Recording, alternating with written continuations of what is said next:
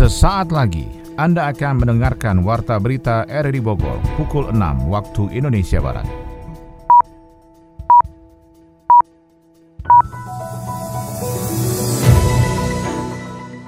Selamat pagi, salam jumpa. Kami hadir kembali dalam Warta Berita edisi hari ini, Kamis 28 Oktober 2021. Berita utama hari ini adalah Juru bicara Satuan Tugas Penanganan COVID-19, Wiku Adhisa Smito mengatakan masih ada tugas besar yang harus diperjuangkan di tengah perbaikan kondisi kasus COVID-19 di Indonesia, yaitu peningkatan cakupan vaksinasi.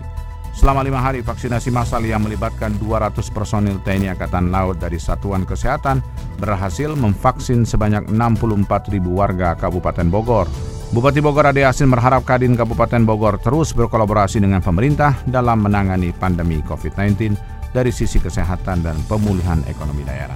Informasi ini juga turut disiarkan melalui audio streaming lewat RRD Play dan juga disiarkan lewat Radio Tegak Beriman Kabupaten Bogor, Jawa Barat dan Anda bisa akses di Spotify RRD Bogor. Saya Melana Snarto, inilah Warta Berita selengkapnya.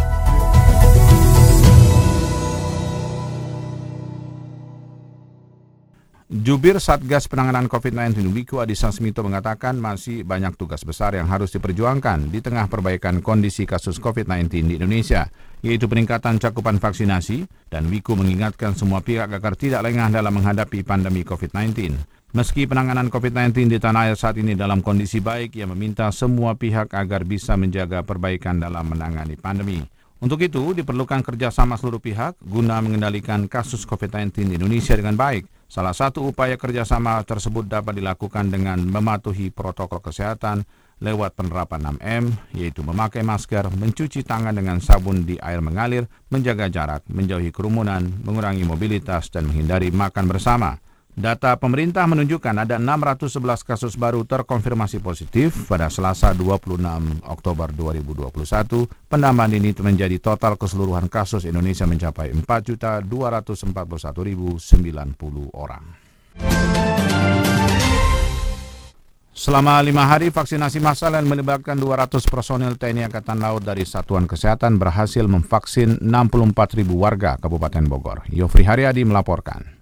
Ribuan warga tampak mengular memadati antrian vaksinasi massal di kantor Kecamatan Cijeruk, Kabupaten Bogor. Vaksinasi yang melibatkan 200 personel TNI Angkatan Laut dari Satuan Kesehatan itu pun ternyata sudah memasuki hari kelima menjalankan tugasnya di Kabupaten Bogor, membantu percepatan vaksin hingga 14 hari penugasannya di Kabupaten Bogor. Dan di hari kelima ini, tim kesehatan pasukan TNI AL sudah memvaksin 64 ribu warga Kabupaten Bogor. Di tengah guyuran hujan deras, Wakil Kepala Staf TNI Angkatan Laut Laksamana Madya Ahmad Heri Purwono mengatakan selama lima hari menjalankan tugas banyak atensi dan apresiasi yang diberikan kepada pemerintah Kabupaten Bogor. Bahkan anggotanya ada yang menempuh perjalanan kaki selama empat jam untuk melakukan vaksin kepada warga terpelosok di Malasari, Kecamatan Nanggung, Kabupaten Bogor. Kali ini Angkatan Laut mengerahkan 200 personel tenaga, tenaga kesehatan dengan tempat 35 kecamatan dengan sasaran 35 lima kecamatan di Kabupaten Bogor. Alhamdulillah sampai dengan hari kelima ini kita sudah bisa memvaksin 64 ribu rakyat masyarakat. Saya yakin dengan sinergitas, dengan saling mendukung dengan Kabupaten Bogor, dengan Pak Dandim, Pak Kapolsek, dengan seluruh apa yang ada dengan Pak Camat, bahwa capaian sebanyak-banyaknya untuk mempercepat presentasi masyarakat yang divaksin di daerah Bogor ini akan segera tercapai. Tidak hanya TNI saja, kegiatan vaksinasi massal juga dilakukan sekolah Polisi Negara SPN Lido Cigombong. Hanya saja targetnya adalah vaksinasi COVID untuk 200 warga perharinya. Tidak hanya divaksin, kegiatan juga dibarengi pendistribusian 100 paket sembako kepada warga di sekitar lingkup SPN Lido setempat. Wakil Kepala SPN Lido Cigombong AKBP Teddy Fanani mengatakan pelaksanaan vaksin kampus Polri Peduli dilakukan serentak di seluruh satuan pendidik Polri di tanah air. Polri, kampus Polri Peduli di mana kegiatan tersebut yaitu melaksanakan vaksinasi dan pembagian sembako. SPN Polda Metro Jaya bekerja sama dengan satu samping dengan rekan-rekan dari TNI, kemudian dengan para stakeholder sehingga pelaksanaan vaksinasi dan pembagian sembako dapat kita laksanakan. Untuk jumlah vaksinasi berjumlah kurang lebih 200 orang, 200 ampul, berjumlah kurang lebih 100 paket sembako. Secara serentak. Kampus Polri Peduli ini dilaksanakan secara serentak oleh seluruh satdik-satdik se-Indonesia Luasnya wilayah dan banyaknya penduduk Kabupaten Bogor itu pun dimaklumi Wakasal TNI AL tidak sedikit daerah terpencil di Indonesia yang warganya belum mendapatkan vaksin COVID-19. TNI Angkatan Laut ditugaskan di 35 kecamatan sekabupaten Bogor yang selepas tugas di Bogor akan dilanjutkan ke Mandalika, Mataram. Enak ya kalau sore-sore gini jalan di Malioboro, gak salah nih kita liburan ke sini. Iya atuh, kalau soal wisata mah Indonesia teh paling jago dan udah terkenal juga di luar negeri. Iya ya teh, lihat kanan bule, lihat kiri bule, tuh depan kita juga bule. Tah eta. Tapi ngomong-ngomong, kita beliin oleh-oleh apa dong teh buat mama? Nih, ini aja nih, tas rajut, hmm, cantik pisan. Aduh teh, itu mah buatan lokal. Nggak mau ah. Loh, Emangnya kunaon? Kenapa buatan lokal teh? Justru nih ya, sekarang mah kerajinan lokal kayak gini yang dicari. Masa sih? Tuh dengar, bule aja rela jauh-jauh pelesiran ke Indonesia dan beli barang-barang asli Indonesia. Kita tuh harus bangga. Masa kalah sama bule? Ya udah, mulai sekarang adek bangga sama barang-barang buatan asli Indonesia. Cakep, gitu atuh.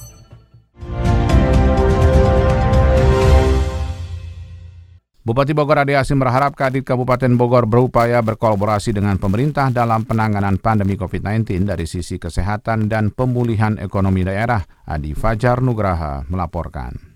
Kamar Dagang dan Industri Indonesia Kadin Kabupaten Bogor secara resmi telah memiliki kepengurusan baru. 85 pengurus Kadin Kabupaten Bogor masa bakti 2021-2026 dilantik oleh Ketua Umum Kadin Jawa Barat Cucu Sutara yang disaksikan Bupati Bogor Ade Yasin pada Rabu pagi di Auditorium Tegar Beriman Cibinong Kabupaten Bogor. Dalam sambutannya Ketua Kadin Kabupaten Bogor Sinta Dek Sesawati mengatakan pihaknya siap melayani dengan berkolaborasi menjadi mitra Pemkap Bogor dalam memajukan pembangunan yang inklusif serta meningkatkan perekonomian daerah di masa pandemi ini. Sejatinya kami adalah mitra pemerintah daerah dalam mengelaborasi, merencanakan serta menjalankan pembangunan khususnya bidang perekonomian dan kewirausahaan. Kami ingin menegaskan kembali bahwa kami Kadin Kabupaten Bogor siap menjadi mitra, tidak saja sebagai pendukung apalagi penggembira, tetapi menjadi bagian penting dalam pembangunan di Kabupaten Bogor. Dalam hal ini Kadin Kabupaten Bogor berkolaborasi dengan Prokopinda dengan arahan langsung Ibu Bupati Bogor selaku Ketua Satgas Penanganan COVID-19 turut memberikan kontribusi dalam penanganan pemulihan kesehatan antara lain dengan pemberian bantuan masker, hand sanitizer, tabung oksigen, sembako, dan yang terasa monumental adalah kegiatan kegiatan vaksinasi massal di Gor Pakansari. Sementara itu, Ketua Kadin Jawa Barat Cucu Sutara menuturkan, Kadin Kabupaten Bogor harus bisa menjadi mitra strategis bagi pemerintah daerah untuk misi peningkatan kesejahteraan ekonomi. Ia juga berpesan Kadin Kabupaten Bogor sebagai mitra kolaboratif pemerintah daerah untuk tidak meminta-minta proyek dan mengikuti seluruh prosedur dalam hal pembangunan di Kabupaten Bogor. Bagaimana Kadin bisa menjadi mitra strategis dan partner strategis pemerintah daerah Kabupaten Bogor. Untuk itu saya titip Bu Sinta sesuai dengan Undang-Undang 187 kita punya amanat khusus di bidang industri, perdagangan dan jasa Ibu harus berkontribusi, harus berdiskusi, berkomunikasi dengan Ibu Bupati dan pemerintah daerah. Saya tidak ingin lagi Ibu Bupati, teman-teman Kadin, bukan tidak boleh, tapi janganlah dengan kartu nama Kadin datang ke Ketua Dewan, datang ke Ibu Bupati, minta proyek. Punten,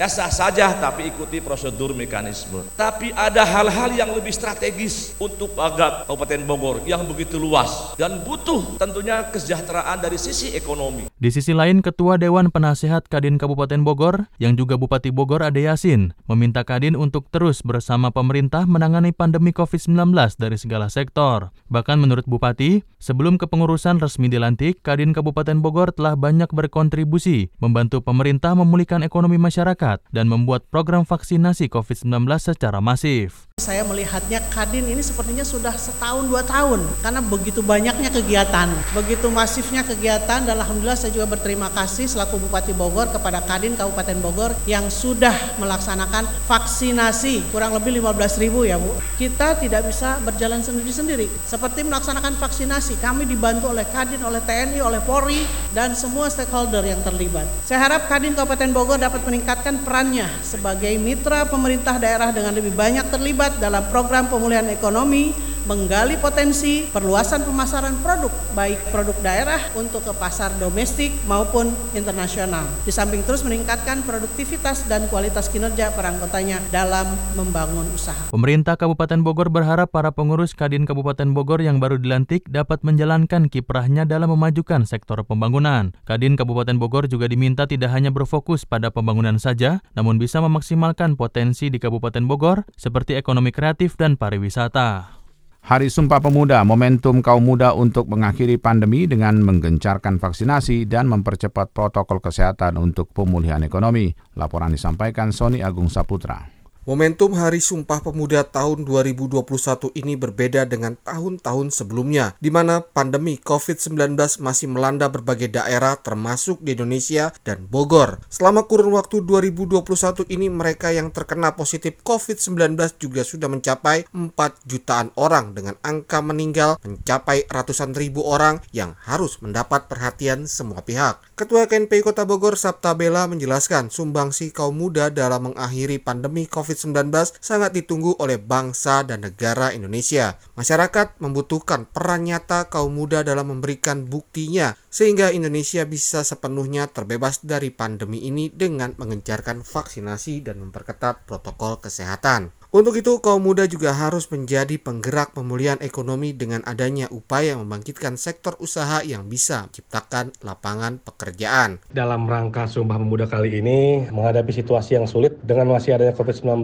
di semua wilayah Indonesia, termasuk Bogor, pemuda terpanggil untuk bersama semua elemen pemerintah, masyarakat melakukan perlawanan terhadap pandemi COVID-19. Saat ini, seluruh masyarakat Indonesia harus ikut program vaksin COVID-19 sebagai bagian untuk dapat mengakhiri pandemi ini. Kemudian pemulihan ekonomi juga harus berlangsung dengan adanya sentuhan pemuda dalam menggerakkan sektor yang berhubungan langsung dengan masyarakat sehingga bisa meningkatkan daya beli di tengah kesulitan ekonomi. Untuk itu, saya mengajak generasi muda Kota Bogor untuk bangkit dan bersatu melawan COVID-19 dengan menegakkan protokol dan menggencarkan vaksin sehingga pemulihan ekonomi dengan menggerakkan sumber daya kaum muda dapat berjalan optimal. Sementara itu Kepala Dinas Pemuda dan Olahraga Kota Bogor Heri Karnadi mengungkapkan, generasi muda mempunyai banyak inovasi dan kreasi dengan adanya akses informasi yang berlimpah. Sehingga saat ini kaum muda harus bisa bangkit dari keterpurukan terutama menggerakkan sektor perekonomian sehingga bisa menjadi solusi untuk mengakhiri pandemi COVID-19. Karena pemuda itu kan punya akses informasi yang cukup untuk bisa mem memberikan meningkatkan daya kreativitas dan inovasinya untuk bisa melihat peluang di tengah-tengah kondisi seperti sekarang itu kondisi akses informasi yang cukup itu bisa memberikan suatu solusi dalam Sumpah Pemuda tahun 2021 ini pemerintah Kota Bogor juga sudah menyiapkan kado istimewa dengan adanya peraturan wali kota per wali tentang kepemudaan sehingga bisa lebih mengarahkan dalam pembinaan kaum muda untuk lebih berprestasi. Warga Kecamatan Cijeruk Kabupaten Bogor masih dihantui ancaman bencana longsor akibat hujan ras disertai angin kencang. Yofri Haryadi melaporkan. Warga Kecamatan Cijeruk Kabupaten Bogor masih dihantui ancaman besar longsor akibat hujan deras disertai angin kencang karena tidak sedikit dari warga di wilayah selatan Kabupaten Bogor ini menempati tebingan atau sebutan lokal mereka gawir untuk huniannya. Hal itu diakui Sekretaris Camat Cijeruk Fahruloh dan meminta kepada masyarakat Cijeruk Bogor untuk siaga dan waspada terjadinya bencana terlebih saat hujan di jam yang rawan seperti tengah malam hingga dini hari jebol ya karena hujan. Yang kedua kebakaran. Jiwa, tidak ada korban jiwa. Sudah sudah bencana sudah ke lokasi, tidak ada pengungsian ya, tidak ada pengungsian dan sebagainya. Kita tinggal menunggu tindak lanjut dari Badan Penanggulangan Bencana. Hampir sebagian besar ada beberapa masyarakat. Kami memang tinggal di bahasa Sunda mahnya gawir, gawir dan sebagainya. Memang harus mulai e, berkehati-hatian Kehadiran relawan siaga bencana di wilayah terpelosok mendapat atensi dari Bupati Ade Yasin. Hujan deras dengan intensitas yang panjang menjadi momok bagi pemerintah daerah untuk memantau kecamatan yang masuk dalam zona merah bencana alam yang merata di seluruh Kabupaten Bogor. Bupati Ade Yasin juga mengingatkan kepada relawan bencana agar tidak hanya bergerak saat ada panggilan bencana, melainkan juga preventif dengan kegiatan penghijauan menanami lahan yang gundul. Kabupaten Bogor sih yang paling kita waspadai adalah curah hujan yang cukup tinggi kemungkinan curah hujan itu akan lebih besar atau bertambah dari curah hujan sebelumnya. Nah ini yang perlu kita lakukan mitigasi ya. Jadi jangan sampai hujan terus banjir baru kita tangani. Tetapi bagaimana mencegah supaya ketika hujan datang itu tidak banjir, tidak longsor. Nah ini saya bekerja sama dengan para relawan lingkungan untuk penanganan masalah wilayah ini, masalah bencana alam ini atau masalah kelestarian alam ini. Jangan melakukan kerja-kerja setelah ada bencana. Karena kalau ada bencana semua orang pasti turun. Sementara itu, update peringatan dini cuaca Bopunjur hingga 27 Oktober, potensi hujan dengan intensitas ringan hingga sedang disertai kilat dan angin kencang, meliputi wilayah Ciawi, Megamendung hingga Caringin dan Cijeruk, Cipanas hingga Cianjur. Anda tengah mendengarkan Warta Berita RRI Bogor. Dari dunia ekonomi, Menteri Investasi Kepala BKPM Bahlil Lahadalia memperkirakan pertumbuhan ekonomi Indonesia pada kuartal ketiga 2021 berkisar antara 3 hingga 4 persen. Menteri Keuangan Sri Mulyani Indrawati menyebutkan kinerja ekspor beberapa bulan terakhir bisa mengkompensasi melambatnya konsumsi rumah tangga pada kuartal ketiga tahun ini. Info ekonomi ini akan disampaikan Adi Fajar Nugraha. Menteri Investasi atau Kepala BKPM Bahlil Lahadalia memperkirakan pertumbuhan ekonomi Indonesia pada kuartal 3 2021 berkisar antara 3 hingga 4 persen. Perkiraan tersebut didasari oleh realisasi investasi hingga kuartal 3 2021 yang menyentuh angka 216,7 triliun rupiah yang mengalami penurunan 2,8 persen dibandingkan kuartal 2. Sedangkan realisasi investasi Januari hingga September mencapai 659,4 triliun rupiah atau 73,3 persen dari target dan tumbuh 7,8 persen dibandingkan periode yang sama tahun lalu. Realisasi investasi yang turun di kuartal 3 dibandingkan kuartal 2 tak dipungkiri dipengaruhi oleh meningkatnya kasus COVID-19 akibat varian Delta. Sementara itu Menteri Keuangan Sri Mulyani Indrawati meyakini pertumbuhan ekonomi kuartal 3 bisa mencapai 4,3 persen.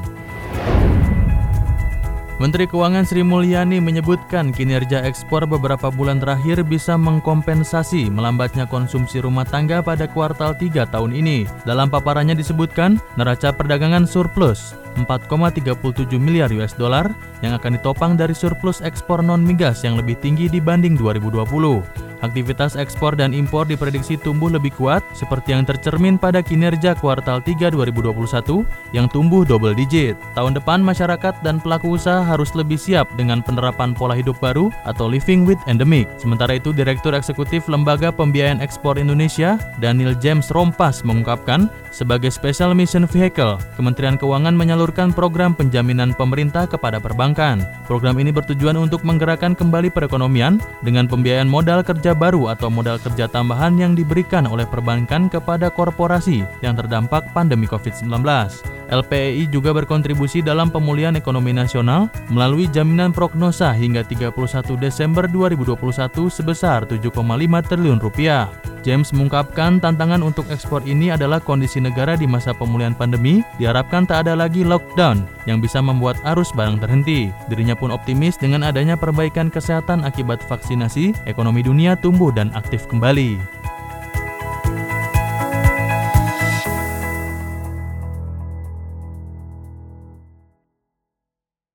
Dari mancanegara, China melockdown kota Lanzhou yang berpenduduk 4 juta orang dalam rangka meredam lonjakan kasus COVID-19 domestik.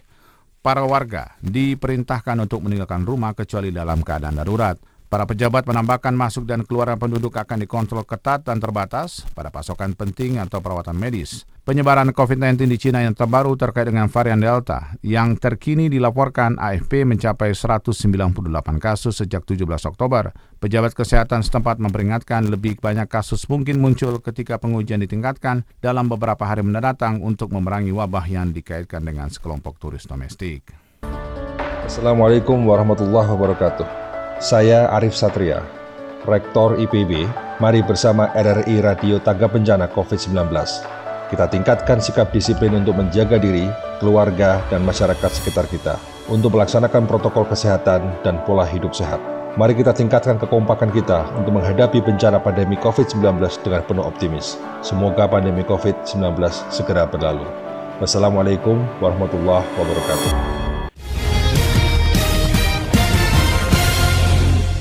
Dari dunia olahraga, usai gelaran Denmark Open 2021, Federasi Bulu Tangkis Dunia BWF merilis nama-nama pebulu tangkis yang berpeluang tampil di ajang World Tour Finals tahun ini. 33 provinsi akan ambil bagian dalam Peparnas ke-16 Papua 2021 yang akan digelar di kota dan Kabupaten Jayapura.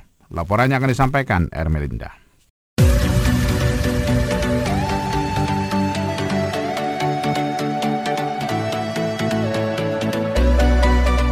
Usai gelaran Denmark Open 2021, Federasi Bulu Tangkis Dunia BWF merilis nama-nama pebulu tangkis yang akan berpeluang tampil di ajang World Tour Finals tahun ini. Sebagai catatan, BWF World Tour Finals sendiri akan berlangsung di Bali pada Desember mendatang. Ajang BWF World Tour Finals sedikit berbeda dari turnamen Super Series lainnya sebab tidak semua pemain bisa tampil. Nantinya setiap sektor hanya akan diikuti oleh 8 pemain atau pasangan dan setiap negara negara mengirimkan paling banyak dua wakilnya di masing-masing sektor. Perhitungan poin menuju BWF World Tour Final sendiri diambil dari kejuaraan Super Series sepanjang 2021.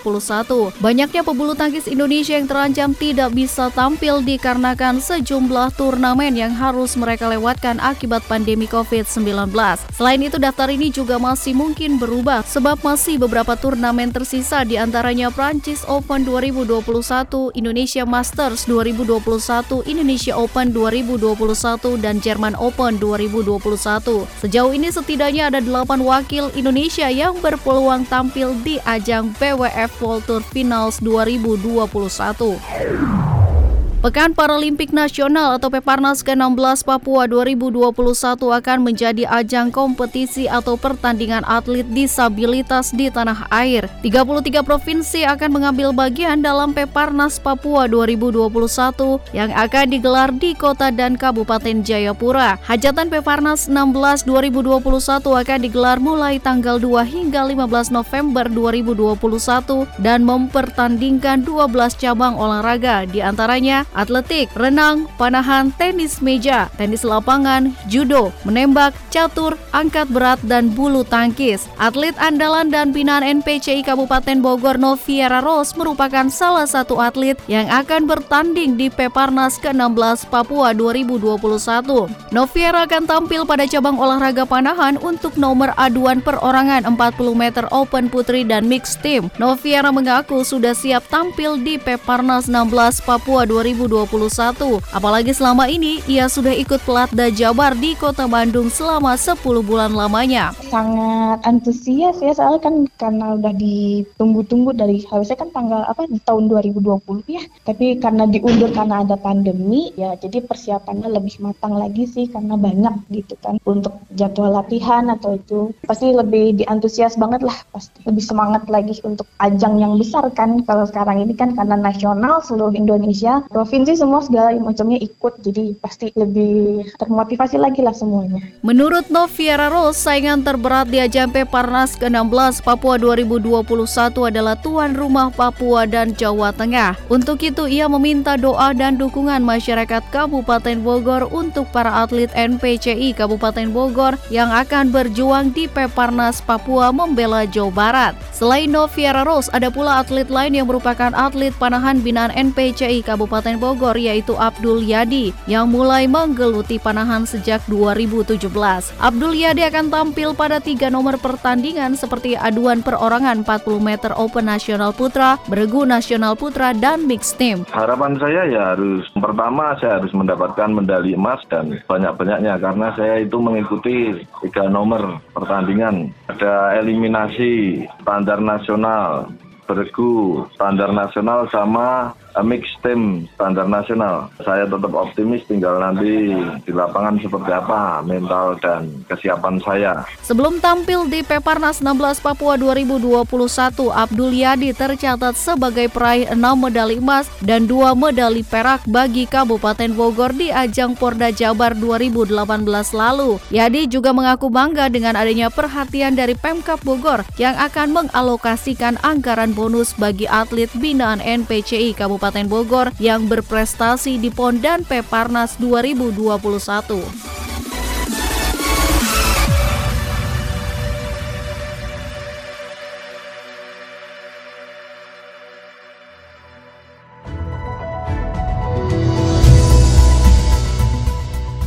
Demikian rangkaian informasi dalam Warta Berita di edisi hari ini. Sebelum berpisah kami sampaikan berita utama. Juru bicara Satuan Tugas Penanganan COVID-19, Wiku Adisasmito mengatakan masih ada tugas besar yang harus diperjuangkan di tengah perbaikan kondisi kasus COVID-19 di Indonesia, yaitu peningkatan cakupan vaksinasi.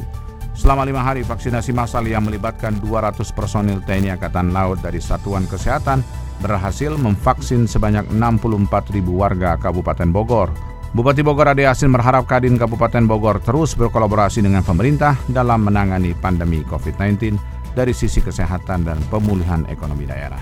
Informasi ini juga turut disiarkan melalui audio streaming lewat RRI Play dan juga disiarkan lewat Radio Tegak Beriman Kabupaten Bogor, Jawa Barat dan Anda bisa akses di Spotify RRI Bogor. Saya Maulana Isnarto, mewakili kerabat kerja yang bertugas hari ini terima kasih atas perhatian Anda. Selamat pagi, sampai jumpa.